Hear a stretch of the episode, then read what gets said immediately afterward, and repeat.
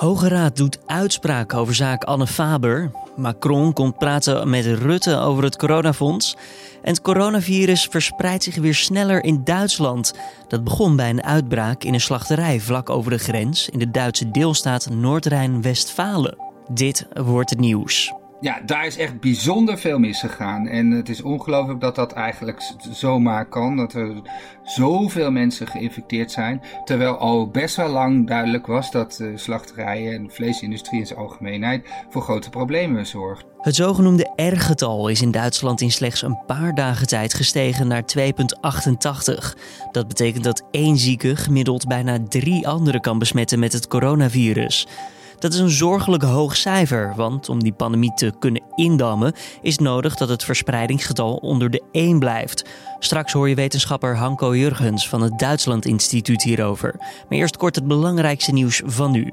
Mijn naam is Julian Dom en het is vandaag dinsdag 23 juni.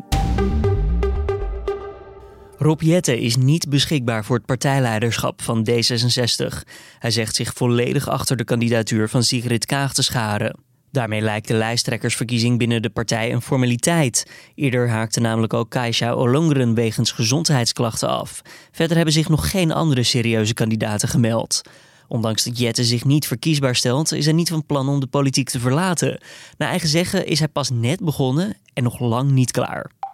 De Amerikaanse president Donald Trump heeft verschillende werkvisa opgeschort, waardoor bedrijven lastiger aan buitenlands personeel kunnen komen. Volgens het Witte Huis levert dat meer dan een half miljoen banen op voor Amerikanen die economisch zijn getroffen door het coronavirus. Waarop dit getal is gebaseerd, meldt de Amerikaanse overheid echter niet. Critici zeggen dat Trump de pandemie gebruikt voor zijn strenge immigratiebeleid. Veel bedrijven zijn dan ook niet te spreken over het besluit dat in ieder geval tot het einde van dit jaar geldt. Op de Noordpoolcirkel is afgelopen zaterdag een temperatuur van 38 graden gemeten. Dat schrijft BBC News. 38 graden boven nul, ja, dat hoor je goed. Het gebied heeft namelijk te maken met een ongebruikelijk zware hittegolf. De metingen moeten nog wel geverifieerd worden. Het gebied kent altijd al extreme temperatuurschommelingen. Zo wordt het in januari niet warmer dan 42 graden onder nul. En in juni ligt de temperatuur gemiddeld rond de 20 graden. Die verschillen zijn mogelijk door de luchtstromen, al is het extreme weer van nu nog nooit eerder vastgelegd. Johan Derksen staat nog steeds achter zijn zwarte Piet-grap die hij vorige week over Aquasi maakte. Dat zei de voetbalanalist maandagavond in Veronica Inside. Wel geeft hij toe dat het een verkeerde grap was. Ik maak een verkeerde grap. Ja, niet voor de eerste keer, voor de duidelijkheid. Nee, nou, voor mij doen was hij niet eens verslecht, want ik heb wel slechtere gemaakt. Maar dit was een verkeerde grap. Maar als je een spraakmakend, onafhankelijk programma wil maken, dan balanceer je wel eens op het randje en dan ga je er ook wel eens overheen. Ja. En dan zo'n grap nu, die komt dan ook op een verkeerd moment, denk ik. De grap van Derksen leidde tot veel onrust op sociale media. Er werd onder meer opgeroepen tot een boycott van het programma.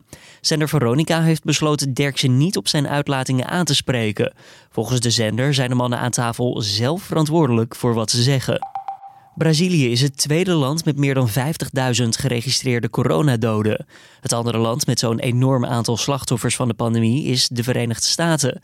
Het dodenaantal nam afgelopen zondag toe met 641 personen in Brazilië. Verder werden er meer dan 17.000 nieuwe besmettingen gemeld. Het nieuws komt slechts dagen na de bekendmaking dat er meer dan een miljoen besmettingen zijn in het land. Het beleid van president Bolsonaro om zich te richten op de economie heeft voor veel verdeeldheid gezorgd. En dan het nieuws van vandaag. In slechts een paar dagen tijd kwam de verspreiding van het coronavirus in Duitsland in een versnelling terecht. Volgens het Duitse RIVM, het Robert Koch Instituut, kunnen 100 mensen met corona nu 288 anderen infecteren. Ter vergelijking, in ons land besmetten 100 mensen met corona minder dan 100 anderen. Oftewel, het R-getal, het reproductiegetal, ligt hier onder de 1. Het leek zo goed te gaan in Duitsland, tot de cijfers van afgelopen week plots begonnen te stijgen. Zo leidde het virus behoorlijk op in een vleesfabriek in Teunis, met 1300 zieken tot gevolg. Betekent dit dat Duitsland iets moet veranderen? Nou, daarover sprak mijn collega Esmee Dirks met Hanko Jurgens van het Duitsland Instituut. Dit is natuurlijk wel heel erg veel. 1300 besmette mensen in één uh, fabriek, uh, dat is natuurlijk ongelooflijk veel. En dat is ook heel erg de vraag of ze het lokaal kunnen houden. Maar in principe het feit dat ze dus de lokale uitbraken zo goed in kaart hebben en ook zo goed weten te monitoren, zou ik eerder als een succesverhaal zien. Maar ja, dit is, die vleesindustrie is echt een groot probleem. En uh, dit is veel te laat ontdekt. Ja, want uh, laten we even naar die slachterij gaan van uh, vleesfabrikant Teunisch. Inderdaad, daar raakten 1300 mensen besmet. waar lag dat aan? Ja, dat is dus interessant. het gaat om koude werkomgeving, waar het virus zich makkelijk kan verspreiden in de kou. er is veel lawaai, waardoor mensen hard moeten schreeuwen en er dus ook veel speeksel zeg maar vrijkomt. En die aerosolen dus uh, zich makkelijk verspreiden. En ze werken toch vaak dicht tegen elkaar, uh, op elkaar. En bovendien wonen ze ook vaak, want het zijn voornamelijk uh, Oost-Europeanen die daar werken. En die wonen vaak in grotere groepen bij elkaar, waardoor ze ook nog in een woonomgeving elkaar kunnen besmetten. Ja, en je zei net van Duitsland is er in principe snel bij bij een lokale uitbraak. Maar in het geval van die slachterij duurde twee weken voordat er een crisiseenheid uh, naartoe werd gestuurd. Hoe kan dat dan? Was dat niet een beetje te laat? Dat zou ze dus heel goed moeten evalueren, want uh, dit, dit is echt uh, heel ernstig. Maar er, komt, er is wel één ding, de, juist omdat het veel Oost-Europese werknemers zijn, is de kans aanwezig dat ze vooral elkaar besmet hebben. En is het dus heel erg de vraag in hoeverre die besmetting ook andere dan de werknemers uh, betreft. Dus de, de, de fabriek is uh, stilgelegd en de mensen die in die verschillende flats wonen, die zijn verplicht uh, thuisgebleven. Die 7000 mensen. Ja, ja, en die hebben grote problemen. Want een deel heeft het niet eens begrepen vanwege de taalproblemen. Mm Een deel wil zo snel mogelijk naar huis. Uh, dus er zijn een heel grote groep die het eigenlijk niet zo goed begrijpt, maar die worden dus, ze worden van voedsel voorzien en ze worden zeg maar ook helemaal uh, begeleid. Maar uh, makkelijk is het niet, want ze zitten gewoon daar in, die, in hun eigen flat, zeg maar, in hun toren. En ja, ze mogen er gewoon niet uit. En hoe wordt daarop gereageerd door de Duitsers op die zeer lokale lockdown in Gütersloh? Vinden mensen dat voldoende of wat is de stemming? De stemming is eigenlijk dat hier een hoop fout is gegaan en er toch ook een zekere angst is dat drie maanden algemene lockdown door zomaar door deze ene uitbraak uh, kan worden gekeerd, uh, zeg maar. Tot, en dat, ze dus dat, dat, dat Duitsland weer terug uh, bij af is. En is die slachterij nu de voornaamste reden voor dat groeiende reproductiegetal? Want die is in vier dagen tijd gestegen tot 2,88. Veel hoger dan hier in Nederland. Maar dat kan toch niet alleen maar komen door die uitbraak bij dat vleesbedrijf? Ja, daar is echt bijzonder veel misgegaan. En het is ongelooflijk dat dat eigenlijk zomaar kan. Dat er zoveel mensen geïnfecteerd zijn. Terwijl al best wel lang duidelijk was dat uh, slachterijen en de vleesindustrie in zijn algemeenheid voor grote problemen zorgt. Dus uh, dat is een, eigenlijk een hele merkwaardige zaak. Maar dan nog, het is niet zo dat, zeg maar, het, als het R-getal 2,8 is en er zijn heel veel besmettingen, dan is het rampzalig. Maar op dit moment, nu er zo weinig besmettingen zijn, uh, in, op een bevolking van 80 miljoen, hè, daar moeten we dan even ja, ja. van uitgaan. Uh, is het niet meteen uh, een reden om nu al ons zorgen te maken, tenzij het lokaal verspreidt en we hebben gezien dat die lokale verspreiding heel snel kan gaan. Dus uh, de bekende nieuwsverslaggeefster uh, Marietta Slomka, die, uh, die spuwde vuur uit de ogen, zeg maar. Uh, vanwege het feit dat er nog niet een veel grotere lockdown was. En Laschet ligt erg onder vuur over zijn uh, beleid. Ja, maar dus... welk beleid voert hij dan? Want ondanks die felle kritiek heeft Laschet toch besloten het daarbij te laten. Wat zegt dat jou?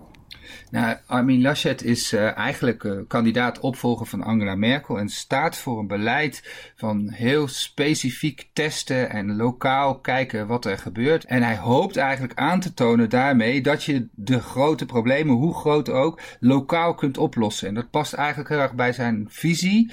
Uh, niet meteen hele de deelstaat in lockdown, maar proberen door veel te testen en lokaal intensief het infectiegebeuren in kaart uh, te brengen. De lokale pandemie, zeg maar, zoveel mogelijk uh, te beteugelen. Mm -hmm. maar dat is wel riskante politiek, want het kan dus zomaar zijn dat er mensen zijn die wel uh, uh, verder voor, voor, voor nieuwe besmettingen zorgen.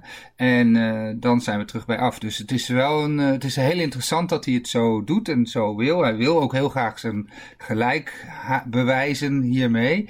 Uh, maar of het lukt, dat moeten we dus nog even zien. En hij heeft dus niet per se veel mensen achter zich. Uh, voor de coronacrisis. Maar tijdens de coronacrisis uh, bleek hij al heel snel voor versoepeling van maatregelen te zijn. En dat ligt in Duitsland niet bij iedereen even goed. Hmm. Uh, dus daar kwam, daardoor kwam hij erg onder vuur te liggen. Dus in Duitsland zijn ze erg voorzichtig. En er is ook een grote groep die voor strenge maatregelen is. En dus voert Armin Laschet, die dus toch graag gaat voor versoepelingen.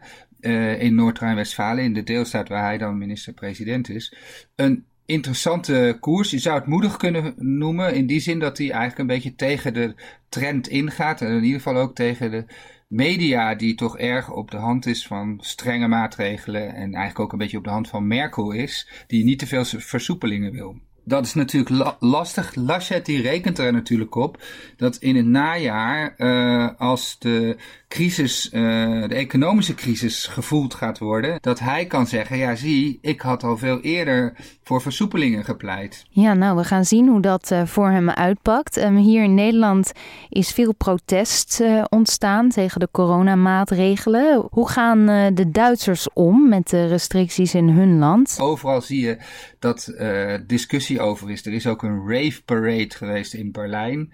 En inderdaad zijn er ook in Duitsland grote groepen die zich uh, uh, tegen de al te strenge maatregelen keren. En die ook zorgen voor heibel. Die vergelijken het graag met de DDR of met andere uh, niet vrije regimes. Uh, mm-hmm. En uh, dus je ziet dat soort tegenbewegingen zie je net zo. Maar ik denk wel dat er in Duitsland een grote consensus is van dat de wat striktere lijn gevolgd moet worden. En dat is eigenlijk de lijn Angela Merkel. een beetje zoals bij ons de lijn Rutte. Merkel is ook net als Rutte leading in alle peilingen, zeer populair. En nou net in Noord-Rijn-Westfalen, waar de minister-president Armin Laschet voor veel versoepelingen heeft uh, gepleit, gebeurt dit. En dat is voor de reputatie van Armin Laschet niet heel erg goed. Terwijl, dat terwijl juist deze man hoopt Merkel op te volgen. Dus dat is, maakt het politiek brisant. ondertussen is daar al wel een corona-app in Duitsland, hier nog niet. Slaat dat een beetje aan onder die uh, voorzichtige Duitsers? Ja, in zijn algemeenheid kan je zeggen dat het Duitse beleid, naar mijn gevoel, toch een beetje voorloopt op het Nederlandse beleid. Tracing en testen, opsporen en isoleren.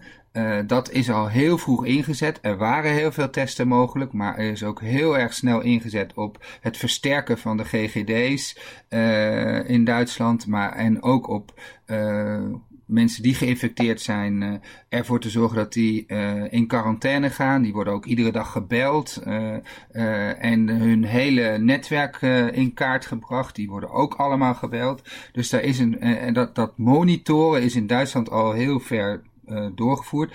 En dus ook de, de, de app die is geïntroduceerd, maar dat is eigenlijk meer een soort hulpmiddel, een extra hulpmiddel dat goed functioneert als je uh, dat hele palet aan maatregelen in beeld hebt. Uh, en het idee is eigenlijk dat als je dat hele palet aan maatregelen goed in beeld hebt, uh, je lokale uh, infecties, of, of wat in dit geval super spreading events noemen ze dat, hè? Mm -hmm. dat je die kunt isoleren.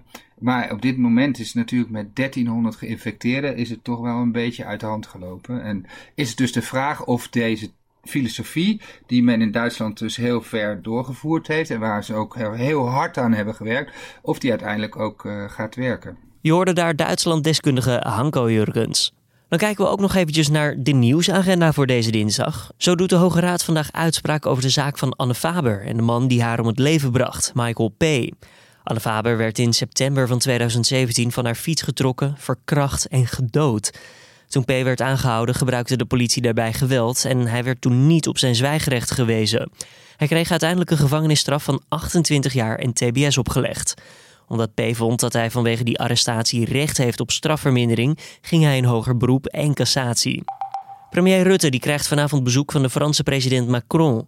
De twee praten over het zogeheten coronafonds van 750 miljard euro dat de EU wil inzetten om landen te helpen om uit de coronacrisis te komen. Als het aan de Europese Commissie en ook aan onder meer Frankrijk ligt, is een groot deel van dat bedrag giften. Maar onder meer Nederland ziet dat niet zitten. Rutte wil dat het leningen worden en alleen in ruil voor strenge hervormingen. Verder opnieuw een protest op het Malieveld vandaag. Deze keer laat de entertainmentsector en de horeca van zich horen. Ze vinden de coronaregels te streng en willen minder snel of helemaal niet beboet worden als klanten of bezoekers zich niet aan de anderhalve meter afstand houden. Het protest staat gepland tussen 4 uur vanmiddag en 9 uur vanavond. Maar over de details zijn de initiatiefnemers nog in gesprek met de gemeente. Het weer. Het wordt vandaag een zonnige dag met soms wel wat sluierbewolking. De temperatuur die stijgt naar 23 graden aan zee tot 28 graden in het zuiden van Nederland. Verder staat er weinig wind. En dan nog even dit. Disneyland Parijs gaat weer open. Ja, dat zal 15 juli gebeuren. Al is dat wel met enkele beperkingen. Zo zal het aantal mensen dat dagelijks naar binnen mag worden beperkt. Exacte informatie daarover is nog niet bekend. Kaartjes die moeten vooraf worden geboekt en er gelden hygiënemaatregelen. Disney spreekt van een geleidelijke heropening waarbij de gezondheid van bezoekers en het personeel voorop staat. Alle pretparken van Disney over de hele wereld gingen in maart dicht als gevolg van de coronacrisis. En Disneyland Shanghai was halverwege mei het eerste park dat weer bezoekers toeliet. Een paar dagen voordat Disneyland Parijs uiteindelijk open zal gaan, zullen ook de parken in de VS openen. En dit was dan de Dit wordt het nieuws ochtendpodcast. En het was weer vroeg vanochtend. Vier uur aanwezig in Hoofddorp waar we de podcast opnemen. Dat betekent voor mij dat rond drie uur vannacht mijn wekker ging. Nou zit ik hier en het, ja, het is nog steeds vroeg dat ik dit opneem. Het is kwart over vijf ongeveer. Ik zou je willen vragen om uh, me te helpen om me er iets beter bij te laten voelen. Dat doe je door een uh, reactie achter te laten over wat je van de podcast vindt. Dat kan bijvoorbeeld via Apple Podcasts of in je eigen favoriete podcast-app. Als je dat doet, help je namelijk anderen ons weer beter of makkelijker te vinden. Verder zijn tips en feedback natuurlijk ook altijd welkom. Dat betekent namelijk weer dat we iets strakker op de onderwerpen kunnen zitten waar jij misschien naar wil luisteren. Nou, ik wens je voor nu een hele fijne en gezonde dinsdag. Mijn collega Carne van der Brink die is er vanmiddag weer. En ik spreek je morgenochtend weer. Tot dan.